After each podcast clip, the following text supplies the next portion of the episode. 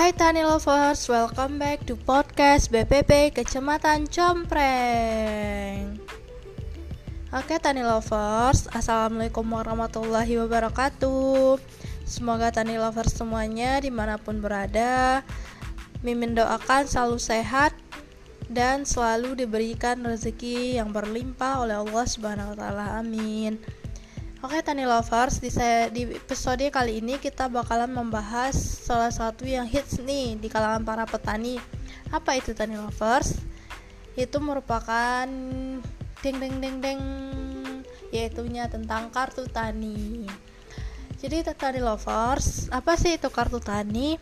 Kartu tani adalah kartu yang dikeluarkan oleh perbankan kepada petani untuk digunakan dalam transaksi penebusan pupuk bersubsidi melalui mesin elektronik data capture di pengecer resmi. Jadi kartu tani ini merupakan identitas petani yang digunakan sebagai alat bantu distribusi pupuk bersubsidi dan dashboard pupuk.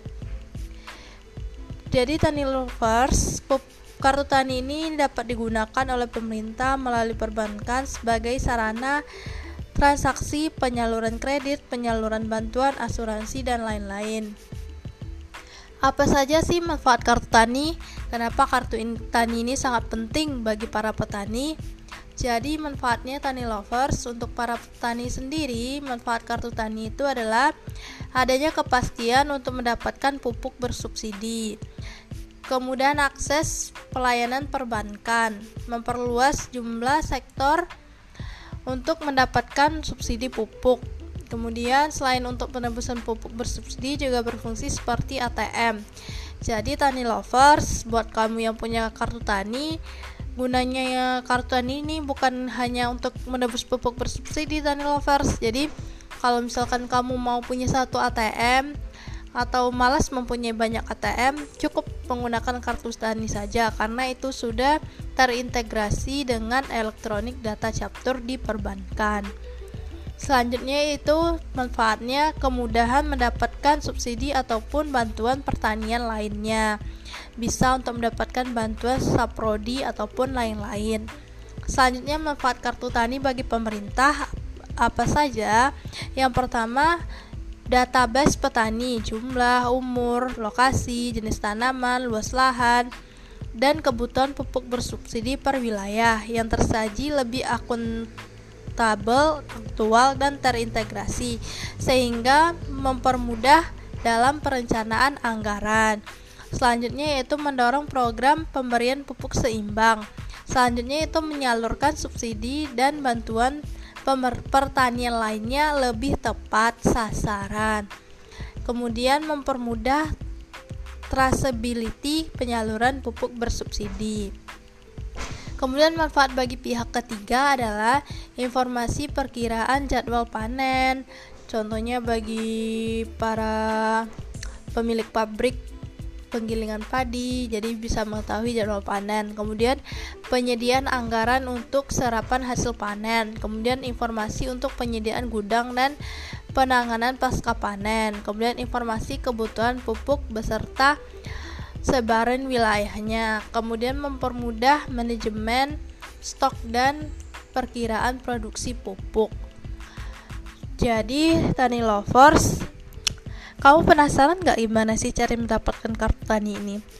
Tani Lovers, untuk mendapatkan kartu tani itu sangat mudah sekali Tani Lovers. Berikut langkah-langkah untuk memperoleh kartu tani. Yang pertama, kamu harus terdaftar terlebih dulu menjadi kelompok tani Tani Lovers. Saat ini misalkan kamu hanya petani perorangan Tani Lovers, kamu bisa mendaftarkan diri kepada kelompok tani terdekat di desa kamu. Hubungi kelompok tani atau hubungi desa atau hubungi balai penyuluhan pertanian di kecamatan tersebut.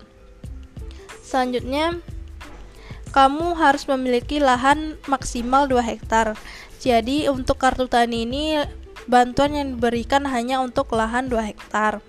Kemudian, menyerahkan fotokopi KTP dan fotokopi kartu keluarga Tani Lovers.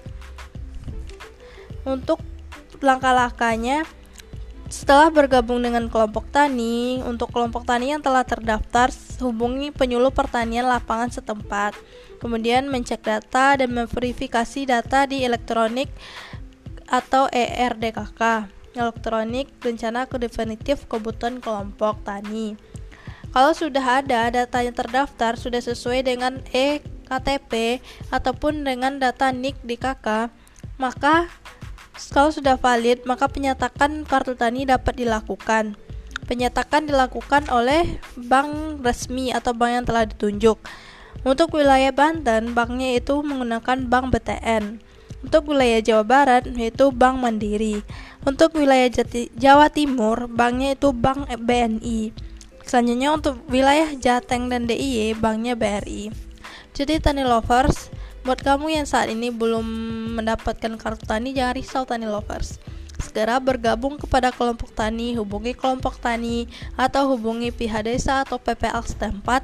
Daftarkan diri kamu segera, serahkan data diri berupa KTP dan kartu keluarga, maka kamu bisa akan mendapatkan kartu tani yang memiliki segudang manfaat. Ketani Lovers, sekian episode kali ini. Nanti kita lanjutkan lagi dengan informasi-informasi lainnya. Terima kasih. Wassalamualaikum warahmatullahi wabarakatuh. Bye bye.